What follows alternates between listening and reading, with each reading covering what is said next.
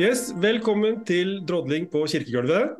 Uh, I dag er det tre karer her i såkalt studio. De gutta jeg har med meg i dag, det er uh, Tor Olav, fast makker i Drodling på kirkegulvet, podkasten. Men også Per Kristian, som er uh, prest og superteolog. Og før vi slipper han til, så må jeg bare si at temaet i dag det er noe som er hyperaktuelt i disse dager. Det er eh, nemlig faste. Hva er faste nå, og hvorfor finnes faste som et konsept? rett og slett. Dette skal vi snakke om. og Da er vi veldig glad for å ha med oss Per Kristian, fordi han er, han er prest og er ute i felten. Det er kult, men også meget oppegående og jobber skikkelig med bl.a. Matteus i sitt doktorgradsarbeid. Kan ikke du bare presentere deg kjapt, Per Kristian? Altså, Jeg kan være fornøyd med bare denne introduksjonen der. Eh, takk skal du ha, Brage. Eh, jeg er altså da eh, sokneprest i Hornindal og Austefjord og Storfjorden, på helt sør på Sunnmøre.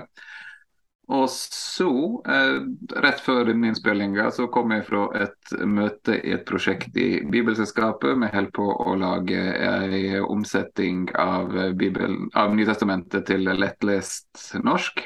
Det er gøy. Og så holder jeg på å gjøre ferdig da, denne her doktoravhandlinga om, eh, om, om, noen, om, noen, ting i Matteusevangeliet. Uh, prøver å late som jeg er en slags innspurt på den nå, da.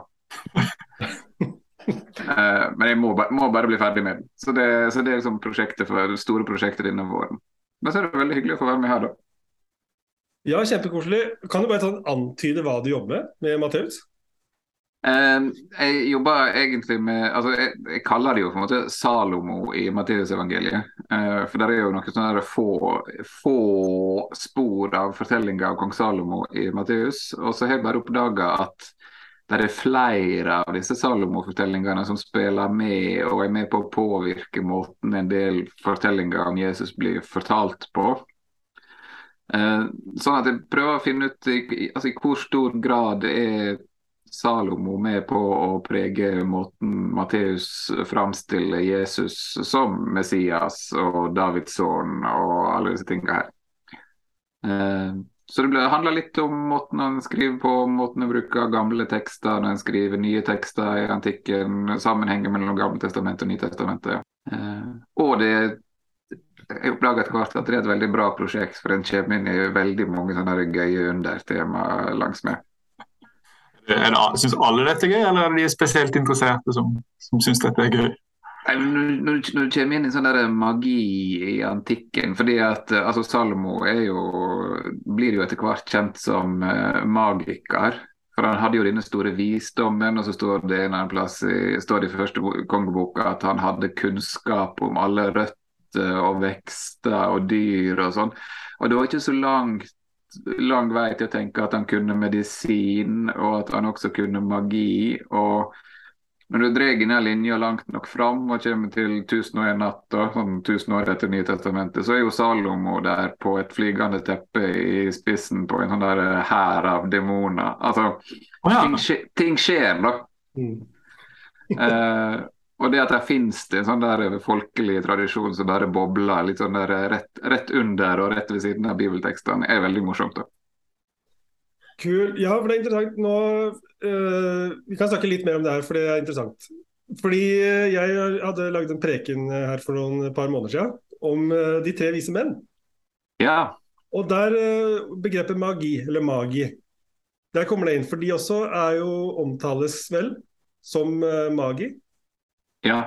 Og, er, og, det, og det er jo et, Så langt tilbake så er jo det her eh, magos det er jo et ord for prester fra en plass i Persia. Altså det, det er en helt spesifikk gruppe folk som driver med litt astrologi.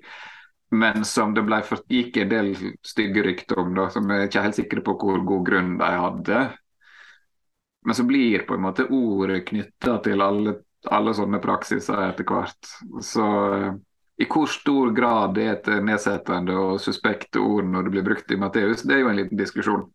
Ja, ja fordi det har jeg skjønt at fordi de kunne også, eller jeg har sett noen da si at eh, vismenn eller magi de kunne, kan, altså, Hadde de vært i dag, så hadde det vært vitenskapsfolk. Altså, det var folk som var interessert.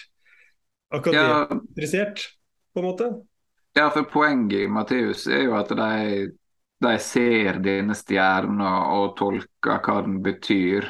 Uh, altså En ting som mange lesere ikke legger merke til når de leser teksten i Matteus 2, det er jo at stjerna går jo ikke foran de vise menn hele veien. Altså Helt til de kommer til Jerusalem, så er det bare fordi de har forstått hva stjerna betyr. Mm. Og så er det bare disse få kilometerne fra Jerusalem og så ned bakkene til Betlehem at stjernen faktisk beveger seg. Ok. Uh, så, det, så det, de, de, visste hva det betydde, at denne stjerna som sto der på himmelen, betyr at det er en ny konge for folk i vest. Altså et eller annet sånt. Altså, jeg husker ikke hvordan formuleringa er. Men uh, for, for, å få den fortellinga til å funke, så er det en slags forutsetning at de har en kunnskap om hva disse, disse tegnene på stjernehimmelen betyr. Mm. Jeg har hørt at noen sier at det er ikke veldig lurt å komme til kongen og spørre hvor er den nye kongen født. Så det er noe som får, får dem til Du skal ha spenninger i hvert fall, men, men hvor, hvor, lurt det er hvis du skal ha hørt om en ny konge. Så. Ja, nei, altså Det må jo være snakk om at uh, hvis det var en prins som var født uh, det er jo derfor jeg leter i det kongelige slottet først. Men de oppdaga jo fort de, de jo fort at det er jo ingen nyfødt uh, en, nyfødt kongsorden i Jerusalem på det tidspunktet. Og, og så er jo historia til, uh, til kong Herodes den er jo litt komplisert. så Det er jo ingen uh, automatikk i å bli født ah, Du blir ikke konge fordi om du blir født som prins der i huset. Du kan også bli henretta. Altså, det er masse greier som skjer. Ja. Eh, føler du deg for etablert at du, du, du, kan noe om det vi, det vi spør om her? For det ikke dette vi bedt om å forberede deg på i det hele tatt. Men, men troverdigheten din syns jeg bygges opp. Jeg vil bare, bare, legge til at du er jo tidligere podkaster. Vi har hatt uh, Bibel og Babbel, for å bare igjen skryte av den podkasten som du og Linn har hatt. Og hvor det fortsatt ligger, det ligger ute, det? Må du gjøre. Eh, men, men, jeg tror vi driver, eller MF tror jeg driver og betaler for at det skal bli liggende ute. Så der ligger jo 25 eh, episoder tilgjengelig. om eh, Vi, har bl.a. en ganske bra en om Matteus 2, om jeg skal si det sjøl. Ja, ja, det kan jeg bekrefte. Jeg har hørt den. Eh, veldig bra. Så dette er vår søster, vi tenker at dette er vår søsterpodkast. Så eh, absolutt Bibel og Babbel. Og det tror jeg brukes av eh, ganske mange, faktisk. særlig prester som skriver prekener. Ja, altså hvis, Unnskyld, men hvis man syns det er litt mye vas med å Brage som, som, forbereder oss litt mindre det på Kristian ofte, så, så, kan man heller høre på Bibel og Babbel, da. Ja, absolutt. Vi, syns nå i egenevalueringa vår at det ble noe vas i den podkasten også, men det er jo det er kanskje forskjellig sånn. Ja, vi er folk, ja, ja, folk er forskjellige. Men altså, i dag så skal vi snakke om uh, faste. Uh, og det første jeg tenker på når jeg sier faste, det er at jeg selv går på fastediett. Eh, som da går ut på å, å, droppe mat et visst antall timer i døgnet. Eh, og Det er veldig populært og det er veldig trendy. Eh, og som sånn kommunikator og prest så tenker jeg her er det mulighet til å nå folk. Eh, for vi har på en måte faste, den diettfaste som er veldig populært. Og som nok ikke kan sammenlignes så veldig godt med den fasten vi snakker om. Når vi snakker om eh, en mer religiøs faste, eller i, innen sånn kristen tenkning. Så i dag så har vi lyst til å snakke om uh, hva er egentlig faste, uh, og hvor har vi det fra. Uh, og det er, altså det er ikke bare i, i det er ikke bare ute i det sekulære at faste har blitt en greie, liksom. I en del kristne kretser, uten at jeg skal bli for flåsete nå, så er det jo faste blitt mer populært, eller at man har mer fokus på det. Såpass må man kunne si. Uh, og Det er et veldig spennende uh, tema, syns jeg. Så Da skal vi da snakke om hva faste er, uh, og hvor vi har det fra. Tor, hva tenker, hva, når jeg sier faste, hva tenker du? Jeg tenkte du skulle stille spørsmål til Kristian, for skal du svare på hva det var for noe. Det vet jeg ikke. Uh, nei, jeg, jeg, vet ikke. Jeg tenker veldig fort på ja, ja, man kan uh, faste fra mat. Det er liksom det første som faller meg inn. Og så tenker jeg sånn, ja, det har jeg aldri hørt noen gjøre, nesten. Det er nesten alltid sånn, ja, Man trenger ikke faste fra mat. Det er det jeg liksom har hørt i kristne sammenhenger. at uh, man kobler det mer på kjøtt eller mobilbruk eller ja, egentlig litt sånn der man bruker som en slags selvhjelpsfase Hvor det bare sånn her, Er det noen, noen ting jeg har lyst til å korrigere, justere litt i, i, i livet, så er dette en fin periode å gjøre det på. Det er, det er vel det første jeg, jeg tenker på. Og når jeg snakker høyt om det nå, så tenker jeg sånn det, ja, Var det det som var den opprinnelige tanken med, med faste? Hvorfor har man det i kirkeårstida? Hvorfor Men eh, kanskje vi kan starte med spørsmålet eh, hvor har vi dette med faste fra? Står det mye i Bibelen om faste? Svaret, svaret, er vel nei. Uh, og, jeg tror, og, jeg tror, alle som har prøvd å lage et eller annet slags undervisningsopplegg, eller tenkt at nå skal vi ha en konfirmanttime, det er fastetid, vi skal finne et bibelvers som passer, så er det veldig vanskelig. Uh, for det står egentlig ganske lite om faste i Bibelen. Uh, det står, altså Hvis en leser Moselova, så tenker jeg at det, det, det burde liksom være utgangspunktet. Der, der, der er grunnreglene. Uh, der er det foreskrevet bare én faste dag. Det er den store forsoningsdagen på høsten, Jom Kippur. Ja. Uh, den dagen skal en faste. Det står liksom. Uh, og så Ellers så er ikke det så mange sånne regler om at du skal faste så og så mange dager. eller sånn, men altså Gamle testamentet ble jo til over en del hundre år. Uh, og så ser en i en del senere tekster at det er sånn spor av at det er litt mer faste praksis enn det. Uh, og når en kommer så langt fram til uh, så, så Jesu undervisning, når han snakker om faste, han gjør jo det egentlig bare én gang han tar opp temaet sjøl. det er jo Matteus 6. og da innleder han det med 'når dere faster'.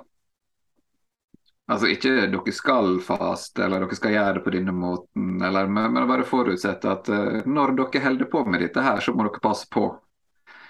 Ja. Uh, så, så, så, det har skjedd et eller annet imellom der, da. Uh, at det har vokst fram en slags praksis. hvis en leser likninger om, om tolleren og fariseerne i, tolleren og fariseeren i Lukas 18, så sier jo denne her fariseeren i denne her bønna når han går fram i tempelet og på en måte framstiller seg sjøl i et veldig sånn positivt lys, så sier han om seg sjøl at 'jeg fasta to ganger i veka. Mm. Eh, og det er på en måte en av tingene på en måte trekker fram sånne skrytepunkt. Eh, så, så, så det, i hvert fall på Jesu tid så har det blitt ei greie. Eh, og så sier ikke Jesus så veldig mye om det så, sånn regelmessig faste, nei. Eh, og så kommer vi til tida etter, etter Det nye testamentet. Da kommer det jo der, og det, og det sier jo kanskje litt om hva bibeltekstene inneholder. da. Mm. At noen av de første tekstene som ble skrevet etter Det nye testamentet, er jo typisk sånne instruksjonsbøker, sånn veiledninger. Sånn skal dere gjøre, og sånn praksis skal gjøre, sånn skal dere leve, sånn skal dere døpe osv. Uh, vi har jo ett skrift som heter Didache, f.eks. Uh, der står det uh, dere må passe på å ikke faste samtidig med hyklerne. De, de faster på mandag og torsdag, og dere må faste på onsdag og fredag. Så det blir på en måte hva tidspunkt en faster på, blir en sånn der markering av forskjeller. da på uh, denne gruppa her som har lest Didache og holdt seg til onsdag og fredag. Mm. Uh, og fredag har jo holdt seg som den store kristne fastedagen. Uh, onsdag er jeg litt mer usikker på hva tid det glapp, på en måte. Men, men den markeringa fra disse her som da faster mandag og torsdag, som nå kanskje forstår som, som jøder som ikke tror på Jesus, Eh, at dette er et sånn tidlig skille mellom jøder og de som tror på Jesus, og blir innført på eh, denne måten. Ja, men alle skal faste? Alle skal faste, det er liksom helt sjøl. Men eh, også står det eh, Jeg hadde gudstjeneste for to-tre eh, helger siden. Da var søndagens tekst Jesus som eh, Nå er han døpt, og så går han ut i ørkenen.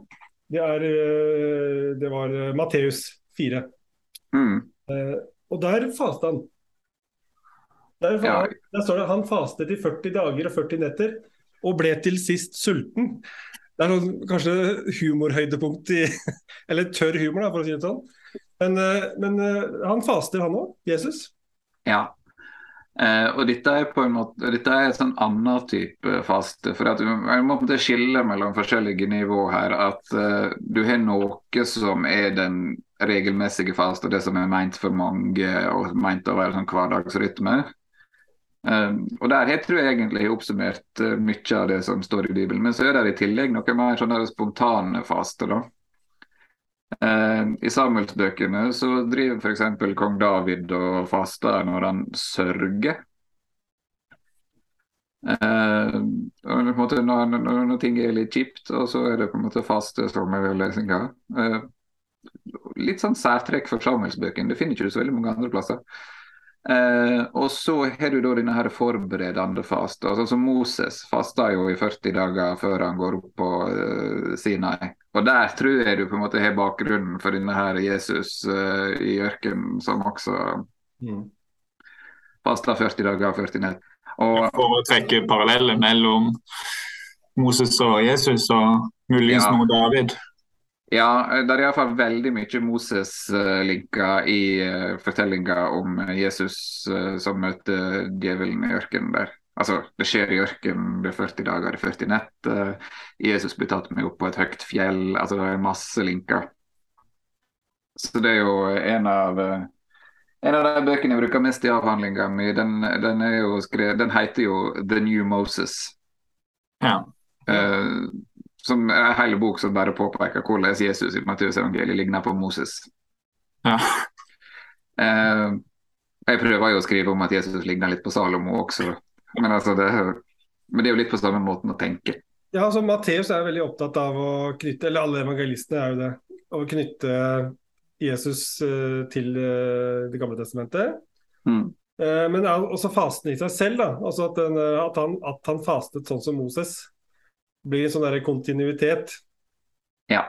Mm. Og, og, at det er og at, at det er en sånn form for faste som er en slags forberedelse til et møte med Gud. At det, måte, det forsterker gjør noe mer intenst, eventuelt gjør mer virksomt. Altså, eh, der er jo et par tekster det, det er for så vidt litt interessant. Eh, der er et par tekster som handler om demonutdrivinga i, eh, i Matteus og Markus, der det i de norske bibelomsetningene står at dette slaget bære, av demoner kan bare drives ut med bønn og faste.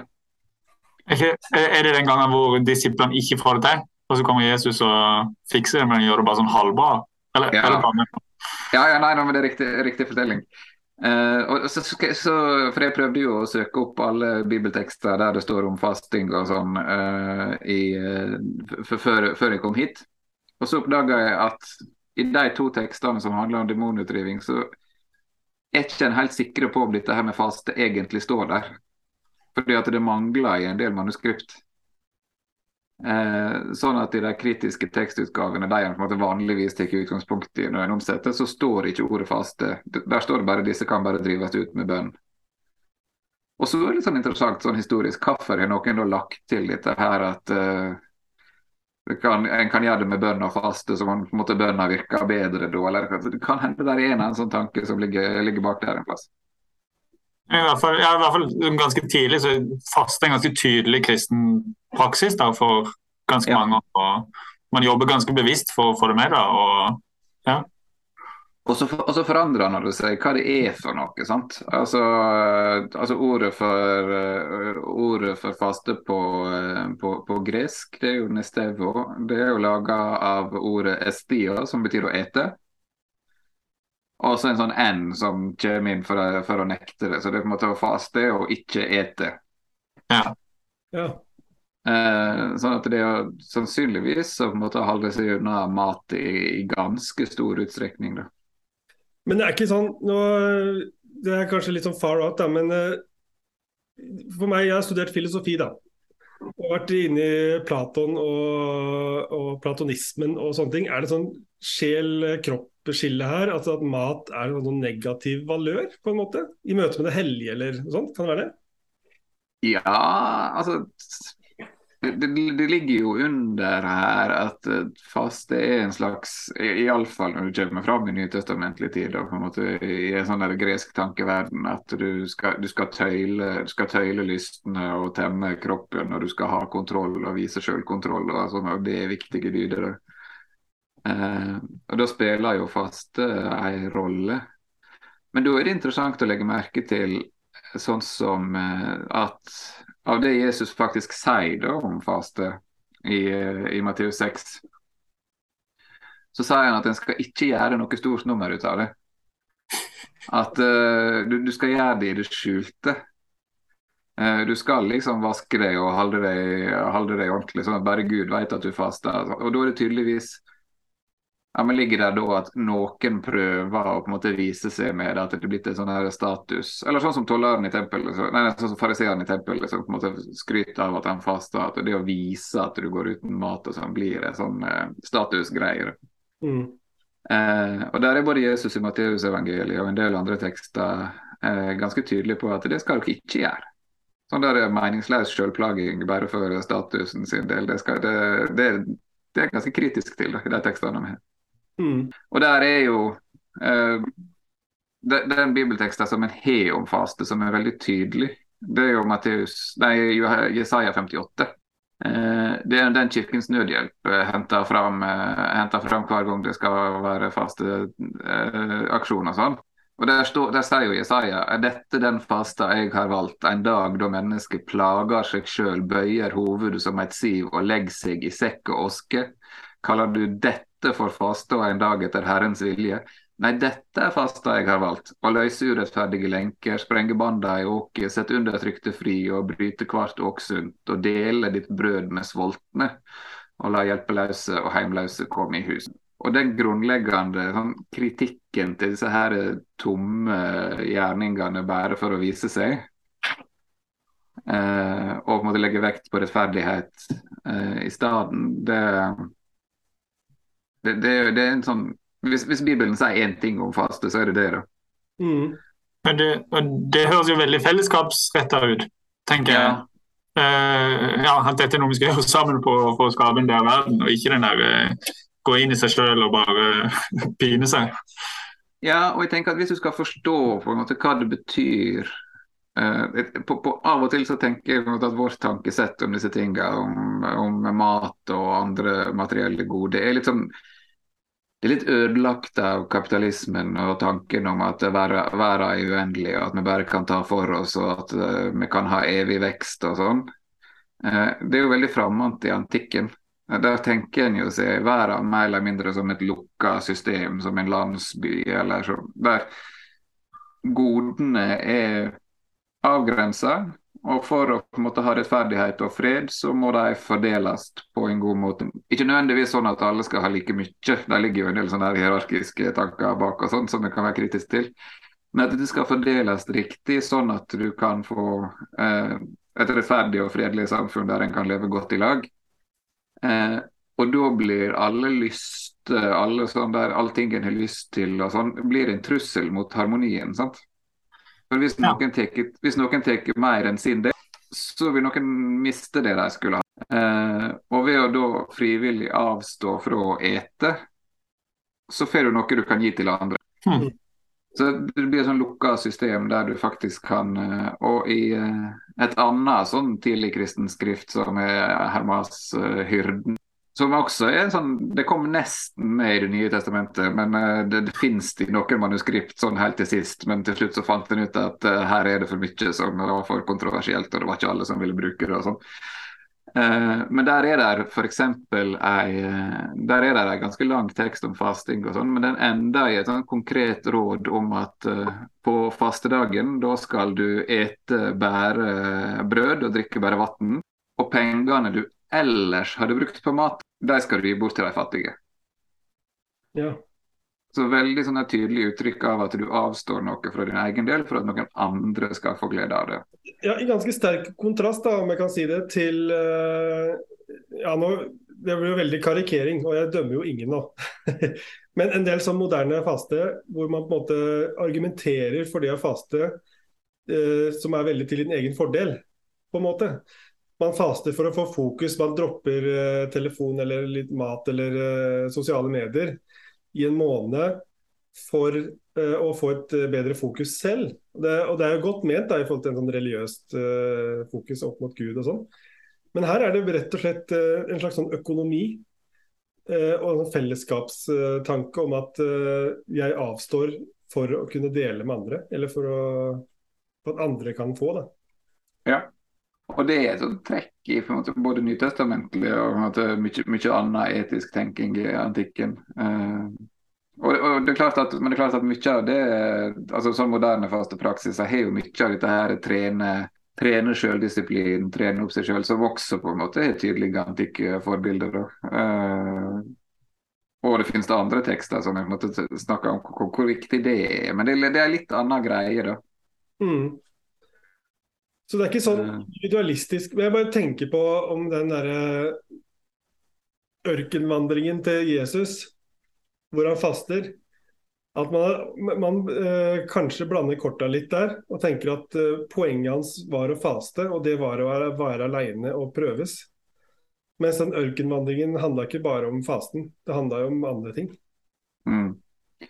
Så der er, der er noe sånn, men, det, men jeg tror det på en måte er jeg tror det er bra å på en måte tenke at denne der forberedende fasta, denne fordypende fasta, sånn som Jesus driver med ute i ørkenen, det er noe annet enn denne her eh, rytmiske, ja. eh, regel, regelmessige fasta. Eh, og, så, og, og, Der dukker det opp et sånn lite historisk paradoks. altså Grunnen til at vi grunnen til at en faster før påske Denne fastetida her, den er jo 40 dager lang. Og For å få til 40 fra skonsdag til, eh, til påskedag, så må du trekke fra noen søndager. Og så teller vel ikke langfredag heller, men den er jo faste dag fordi det er langfredag. Så, så, er, du må drive med litt sånn talltriksing, da. Eh, men den er 40 dager for å på en måte være like lang som Jesu faste.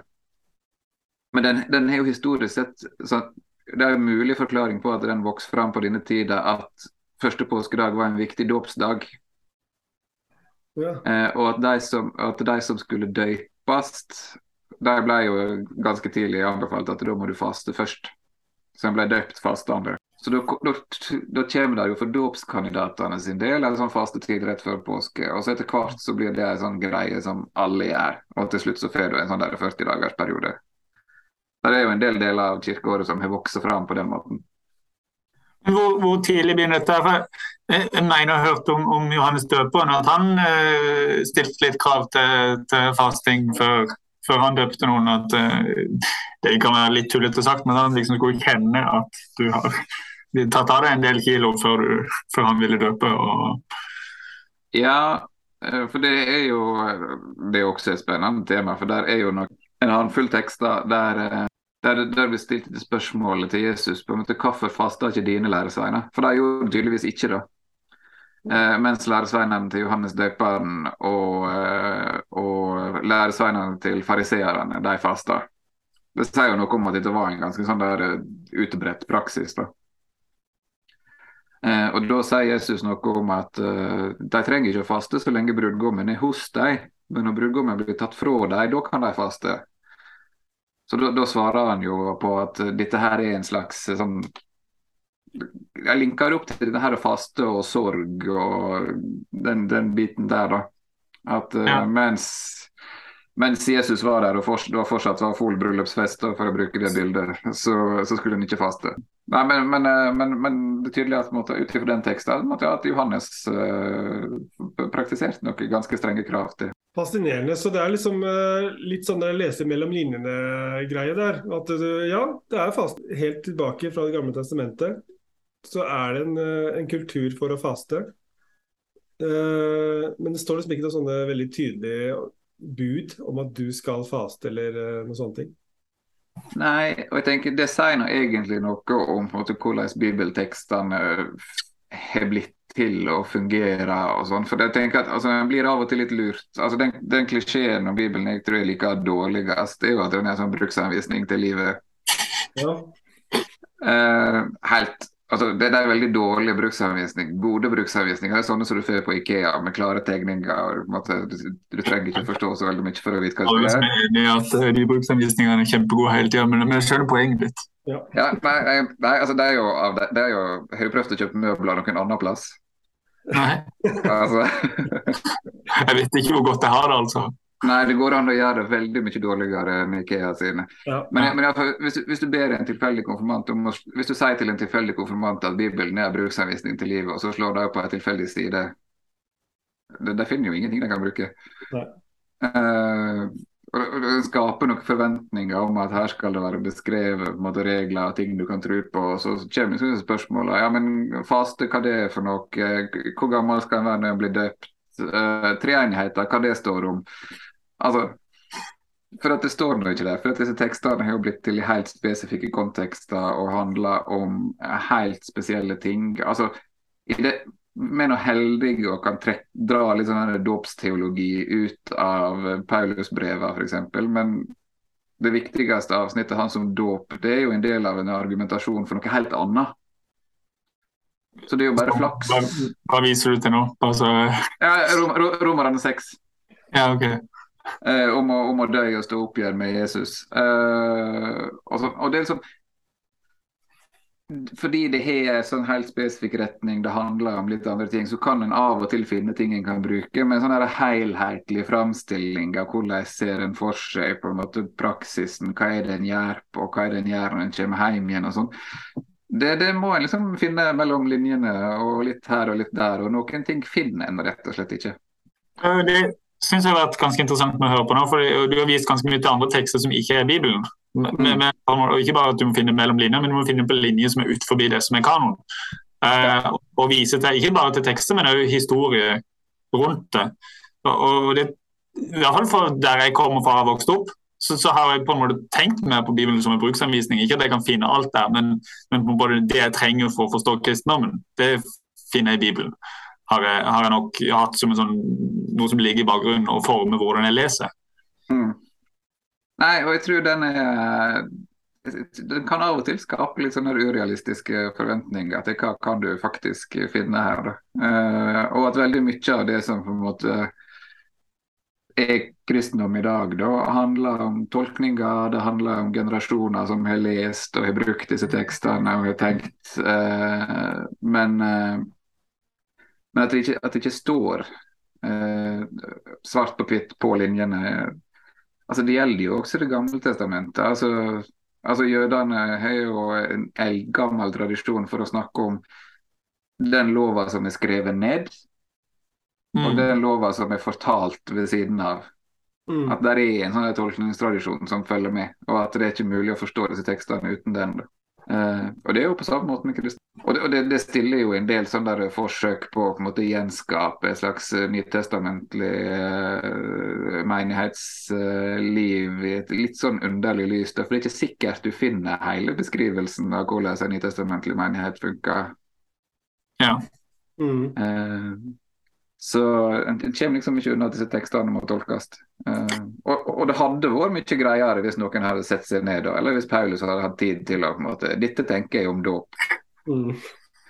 Eller, eller, eller, Paulus, eller hva Paulus tenker om faste. Fordi at han, han lister jo av og til opp i noen brev eh, alt, det, alt det fæle han har vært igjennom, og måte alle prøvelsene han lever under. Og så skriver han stadig vekk at han, at han går uten mat. At han har vært sulten. Men på gresk er det ord som også kan bety å faste. Ja. Okay. Så, er det, så, så nevner han sin egen faste praksis, eller nevner han at han har vært i per- perioder har han hatt vanskelig for å få tak i mat. Det, det er ikke godt å si, fordi at ordene betyr begge deler. Mm. Så vi vet ikke hvordan Paulus gjorde det heller. på en måte. Nei. Nei, så det er jo sånn eh, Og det er jo det er denne tradisjonen som ligger til bunn der, som vi skjønner at det er noe der. Og så er det, og så er det litt den derre Når man eh, leser Bibelen eller, og, og tolker tradisjoner, så er det jo dette er menneskers tolkninger av det kristne livet. Mm. På en måte. Som, har, eh, som stadig vekk finnes. Det er en sånn kontinuitet der. Eh, Det er fascinerende. Og så er det fascinerende i forhold til mat. Mat er jo viktig, da. Ja. Jo, eh, Jesus uh, spiser jo så mye mat. Det er Mat dukker opp veldig ofte i Bibelen generelt, Gammeltestamentet òg, men Jesus spiser jo veldig ofte når han er i fellesskap og, og sånn. da. Så jeg kan jo skjønne at fraværet av mat òg er liksom, liksom sterkt virkemiddel. Ja, altså det er jo en kultur der på en måte, altså, Og det er ikke så langt fra våre ideer heller. Men altså fellesskap det forutsetter at du eter et kvart i lag. At du gir noe når de kommer inn døra. Eh, det skjer jo ikke at eh, Det ville være litt rart hvis du inviterte noen på besøk og ikke setter fram noe som helst til dem. Mm. Uh, verken vått eller tort. For det, hva er det slags gjestfrihet, liksom? Så, så, så det, nei, det, er en tydelig markør. Og det, det å ikke ete betyr jo også å sette seg litt utafor fellesskapet. Om ikke trekker seg fullstendig ut i ødemarka, så er jo på en måte Ja, det er sant. Nå hopper jeg litt i spørsmålet her, da. Men i forhold til uh, For mange så har advent også vært uh, en sånn fastetid. Og det er den til forberedelsestanken ja. som ligger til grunn der. Og den er jo, den er jo parallell med, med fasta til påske. Uh, så vidt jeg husker, så kommer jo den litt seinere, for julefeiringa er jo sein. Mm. Den dukka jo ikke opp før på, på 300-tallet, godt utpå. Sånn som jeg kjenner. Ja. Uh, men det er tanken å ha en sånn der lang forberedelsestid før, før de store høgtidene. Pin, pins, pinsa er ikke det, fordi pinsa er jo egentlig slutten på påsketida, så du kan ikke drive og faste midt i påska. Altså, det er sånn ja. Selvfølgelig. Eh, mm. Det, det, det, er påske helt til pinse. Det er påske helt til pinse. Ja.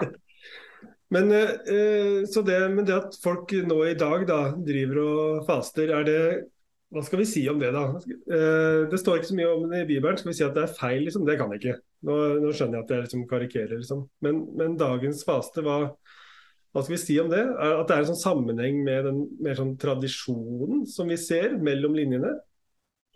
Ja, og, at, eh, og, det, og det, det, henger jo på ganske mange bibeltekster om altså alt som handler om på en måte, alt som handler om selvdisiplin og sånn. er jo på en måte, altså Paulus skriver jo mye om at det er gode ting. sant? Det, det, det er jo en av sjøltøyming, som det heter forrige nynorskomsetning, er jo en av anden sine frukter i Galaterbrevet. Ja. Så, så, så, det er jo ikke, det er jo ikke men så, er det, men så er det denne her stadige freistinga til å gjøre det til en sånn statusmarkør. da. Ja. Eh, Altså, jeg, fikk, jeg fikk jo en sånn kalddusj for min egen del, for jeg har jo i mange år prøvd en sånn der protestantisk, individualistisk uh, variant og på en måte droppa et eller annet. Ofte, ofte godteri, da, sjokolade, søtmat og sånn i fasttida. Det er vanskelig nok, liksom.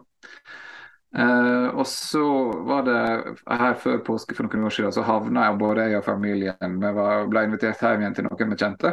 Og de var muslimer fra Etiopia. Og de hadde veldig behov for å på en måte ønske oss ordentlig velkommen og dekte opp et sånt der kjempemåltid. Og så midt på dag. Og så slo det meg etter hvert at det var noe ramadan. Så det var derfor ingen av disse voksne åt. Eh, så vi satt der og åt alene da, med denne kjempestore oppdekninga. Eh, og så eh, Men disse her eh, muslimske vennene våre, de de bodde jo i samme hus som, eh, som, noen andre fra Etiopia, og de var kristne, da, sa de. Okay. Og da var vi på vei hjem igjen, så tenkte jeg at ja, men da kommer det endelig noen som kan hjelpe oss og uh, hjelpe oss å ete opp disse greiene her, da, for det var jo så overdådig. Uh, men så kommer de inn, uh, og det var jo naturligvis også kristenfaste, og de var etiopisk ortodokse, og de har jo de strengeste av de strengeste fastereglene i hele kristenheten. Mm. Så de er jo i praksis nesten veganere hele, hele fastetida. Oh, ja. Og de har veldig mange fastedager også. Okay. Eh, så da kom det enda flere folk, da, men vi satt fortsatt der. som protestantene og bare måtte ete i oss disse greiene her. Og så når de da etterpå setter fram sjokolade, så tenkte jeg at nå blir det for teit å si nei takk, jeg faster. Så da ja. Da hadde du mista den muligheten. Det så da måtte, bare, da, da måtte, jeg bare, ete i meg litt tvist, for at dette her individualistopplegget mitt eh, matcha ikke disse, disse, gamle tradisjonene. Men de hadde glede av at du skulle, gjestene skulle få? Ja, ja. Men de skulle ikke ha sjøl. De skulle ikke ha sjøl. Men da får du litt den der, eh, liksom minivariant av den du snakka om i stad, at faste kanskje sånn som det står i Jesaja, at det, er, det handler om å dele. Mm. Ja, altså, det ble litt sånn. Uh, og, uh, ikke, og, men, men, jeg tror også på en måte at hvis du spør konfirmantene eller hvem som helst nå om på en måte fasting og sånn altså, Ja, det skjedde jo faktisk i gudstjeneste nå på søndag her hos oss at noen stilte spørsmål til de ungene, til, til ungene hva det vil si å faste. Mm. Og så svarer jo denne åtteåringen at uh, nei, det betyr å ikke ete før til kvelden. Mm. Ja. Jeg tror nok at det muslimske måten å faste på, det, det er på en måte mer kjent enn litt sånne diffuse kristne tradisjoner. Interessant. At den, særlig de nye, de nye, generasjonene som har mange klassevenner mm. som er muslimer, at de, den fasen de blir kjent med. Ja. ja det, det, husker jeg som fra undervisninga vi hadde om islam. At Det er jo veldig sånn du knytter det til noen praksis og veldig sånn lærebokmåte å, å forstå en religion på. Og Da tror jeg den blir nevnt veldig mye i skolesamling. I hvert fall har jeg opplevd det. Ja. Men det er jo en ting, det er jo en ting en merker. altså Kanskje ikke så mye i barneskolen, men en blir gammel nok til at måtte også ungene er med på er med og holder ramadan, og sånn, så legger en jo merke til det i skolehverdagen at det er plutselig noen som ikke heter det. Mm. Ja. Så den er jo veldig tydelig. Den er veldig tydelig. Jeg kom på en artikkel, et intervju jeg leste en gang. om en ung, eh, ung gutt som, eh, som, hadde bestemt seg for å faste og droppe telefon, eller droppe sosiale medier. Uh, og, han, og De spurte han hvordan var det liksom 40 dager, måtte være helt forferdelig. Og Det sa han, det var, det var tungt liksom de første dagene. Men når han så tilbake på det, så merka han at han ble mye, han løfta blikket da, og ble mye mer sosial og så andre mennesker og venner, liksom, liksom så dem, på en måte. Uh, og da kanskje fasen har noe for seg litt sånn uh, sosialt. Da. Både det at måte, du helt konkret uh, dropper noe for at andre skal få noe annet. Det er jo sånn veldig konkret. Men samtidig at du får et mer sånn utblikk av og fast. Jeg tenker, Det er ikke så dumt å på en måte se på oppmerksomheten også som en begrensa ressurs. Altså, Den er jo heller ikke uendelig. Det er jo grenser for hvor mye jeg kan dytte inn. Så ved å velge vekk noe, så kan du få noe annet. Altså, det, På mange måter så gir det sånn fastepraksis gir jo egentlig god mening. Mm. Litt deilig å ha det i en begrensa periode. At det er litt, litt sånn prosjekt. At Du trenger ikke tenke at jeg skal gjøre dette for alltid, men nå kan jeg ha en periode hvor jeg ser hvordan det det blir gjort. Eller hvordan det vil funke for begrensa tid. Men det har jo tenkt på var dette med, med, med, hvor ulik Du snakker om kapitalismen kanskje har påvirka litt hvordan vi eh, ser på ting med uendelig med ressurser. Og, og hører alltid at vi er mer individualistiske nå enn vi har vært tidligere. Og det er jo eh, noen ting som bare, det er jo sånne nøkler vi har med oss uten at vi vet at vi har det. Eh, som, jeg bare tenker på Når jeg skal liksom snakke om dette her til konfirmantene, så blir det sånn Hvordan skal jeg hva er det jeg skal si til dem, uh, uten å bruke all den tida vi har brukt. For de kommer ikke til å følge med så lenge, de fleste av mine konfirmanter i hvert fall. på å liksom prøve å, Jeg hadde, jeg ikke evne til det sjøl heller da jeg var så gammel. og på en måte forstå hvor ulike virkelighetene vi starter med når vi skal forstå dette. hvordan ja, nå sier mange ting, og så tenkte jeg på dette med fellesskapet, for Det tror jeg jeg kommer til å løfte mye tydeligere fram i framtidig sammenheng og undervisning om, om faste at dette her i stor grad var hvis jeg forstår det riktig, Per Christian, intendert som en uh, fellesskapshandling. Mm. Uh, I hvert fall til gode for fellesskapet. Men, men hva, hvordan, hvordan kommuniserer vi dette her til barn og unge? Nei, altså i år, eller særlig i år, så har jeg på en måte tenkt på at altså hver gang en sier at Og vi har jo gjort det her nå, flere av oss, på en måte, at, at fastetida i protestantisk eller i Den norske kirke altså, er så utydelig. Men Norske kirke har i hvert fall en veldig tydelig fastepraksis, og det er jo fasteaksjonen. Mm. Ja. Eh, at, vi at, vi gjennomfører Norges nest største innsamlingsaksjon da, hvert år rett før påske. Uh, og Det er jo ikke bare sånn tilfeldig vedheng, for den passer jo veldig godt til denne fastetenkinga. Det handler om å avstå noe, det handler om å bruke det her i kvelden. Det er, no noen få timer, sant? og så måte, bruker du det til glede for noen andre. og Da gir du til noen som faktisk trenger deg. Altså så Både solidaritetstanken og for så vidt at det kan være et offer å gå ut i sludd og storm. Altså at det, det er faktisk en veldig god fastepraksis, og det er en veldig stor og viktig en. Uh, og på en måte Effekten av det og nytten av det er så tydelig. og det så egentlig går det an å bruke det som konfirmantene faktisk gjør. Uh, og skal gjøre, som et innsteg til å snakke om disse andre tingene. Jeg har liksom tatt for gitt denne fasteaksjonen hvert år. Liksom, den, er, den, er, jo faktisk ganske sånn dypsindig tilknytta fasten. Ja. Så det er veldig, det tenker jeg er et kjempefint og spennende grep i forhold til å snakke om eh, det til, at det er en gode for fellesskapet. Og, og synes jeg det var veldig bra sagt da, at vi har, vi har en begrensa oppmerksomhet. Det tenker jeg det kan være fint, og det kan du gjøre på mange utrolig fine, relevante måter overfor uh, ungdommene. Da. Så det tenker jeg, Og så tenkte jeg at det er også interessant, uh, hvis man har lyst til å formidle hva faste er for noe, å gjøre en sammenligning med hva muslimene gjør. Altså Hvorfor mm. faster de? Hva, med en sånn type faste som de snakket om i stad, er noe de er ganske kjent med. Da. Eller kanskje mange av konfirmantene har jo gått en tolv år i skole med masse muslimske klassevenner. Og sett det her, at vi kan sammenligne oss litt. At man kan lære gjennom det. Det er også et grep. Ja, jeg tror det. Og Det er jo et grep det, altså akkurat det å sammenligne sånn praksiser mellom, mellom religioner. Sånn. Det, det, har de jo forhåpentligvis fått med seg i KRLE-undervisninga. Ja. Ja, det har de jo forhåpentligvis. Jeg blir, blir alltid, jeg blir alltid så overraska over at noen ting som sitter bare som spikrer når du snakker med konfirmanter. For dette har jeg lært om KRLE, og så andre ganger så blir det litt sånn Har ikke dere skulle lært om dette her på skole, og så er det helt ukjent. Altså det blir litt sånn uh, Blir overraska begge veier. Ja, ja, faktisk. Det har jeg stadig vekk erfaringer med. Plutselig kan de alt, og så andre enkle ting som jeg trodde man kanskje tok for gitt, det skjønner man ikke bæret av. Så det er en uh, komplisert verden vi mm. er i. Men da er det iallfall uh, dette med fasteaksjonen.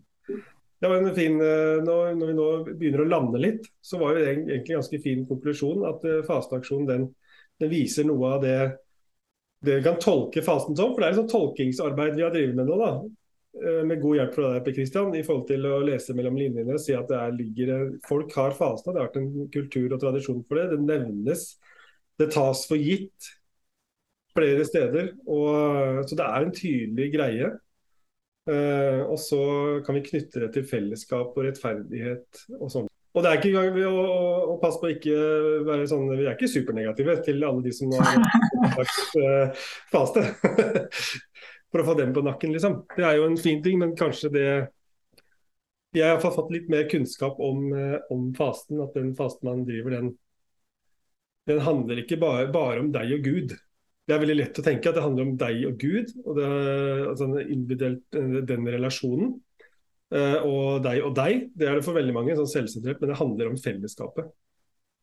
Ja. Og, konkret som å fordele uh, rettferdighet. Ja, hvis vi vil ha det teologisk, altså Det handler ikke bare om deg og Gud, men det handler om deg og Gud og de andre. Altså Du ja. må måtte ha hele trekanten. Du må ha hele trekanten. Ja. Ja, men jeg, jeg syns det, det, var litt nytt for meg. Jeg tror jeg, jeg, tror jeg liksom litt underbevisst har tenkt at uh, fasteaksjon er litt sånn at vi bare for hyggelig. at, uh, at, liksom, at ekte faste ville vært å ikke spise men det er så ubehagelig, så jeg får snakke mye om det. Så jeg, jeg tror jeg skifta ganske mye her, og nå er det liksom motsatt. Ja, altså vi har haugamle te tekster her som handler så sier noe om at faste først og fremst er å gi vekk pengene du ellers hadde brukt på deg sjøl. Så, så det, det, Jeg skulle egentlig det har vært et morsomt forskningsprosjekt å på en måte vite hvor mye sånn der, hvor gjennomtenkt var oppstarten av fasteaksjonen, og hvor mye har bare blitt at det passer veldig godt etter hvert. Det og så var det noen som bare snubla over Jesaja, liksom. Og oi, den satt. Liksom. Ja. ja, for den er jo godt brukt. Så det... Jesaja 58, som vi var inne på. Ja. ja. Kult. Nei, men uh, har vi noe mer å si? Har vi noe usagt? Det har vi masse, men uh... Ja, alltid. Ja, men jeg tror Hvis vi skal lage noe opplegg på dette, her, så er det litt sånn uh, bruk, bruk Jesaja 58 og Matteus 6. Det står om uh, det burde komme ganske langt med det. Men da tror jeg vi har brukt opp tida. Uh, da må jeg bare si hjertelig takk til Per Kristian først og fremst. For at du tok deg tid og ork. Du trengte ikke å forflytte deg, men du måtte bruke tid på oss. Så du ofra tid, ikke sted, holdt jeg på å si. Men takk for at du var med oss her på Zoom. Ja, nei, men Kjempehyggelig å få være med. Det er jo altfor lenge siden vi har hengt i gangene på MF. på seg. Så det er hyggelig å treffe dere her, iallfall. Ja, ikke sant. Vi, ja, dere som hører, dere skjønner at vi kjenner hverandre òg fra før. Så det er spennende. Kjempegøy. Dette var interessant, og takk til deg, Tor. Eh, jeg pleier aldri å takke. Vi pleier ikke å takke hverandre, så det var litt Takk, sånn. Takk, takk. Eh, og så ønsker vi alle som nå har hørt på, en lykke til med fasetid eller hva det, og refleksjon over hva fasen er. Og så kommer vi helt sikkert til å få besøk av Per Kristian seinere. Eh, Gjerne det. Ja, supert. Takk for nå, gutter. Takk for nå.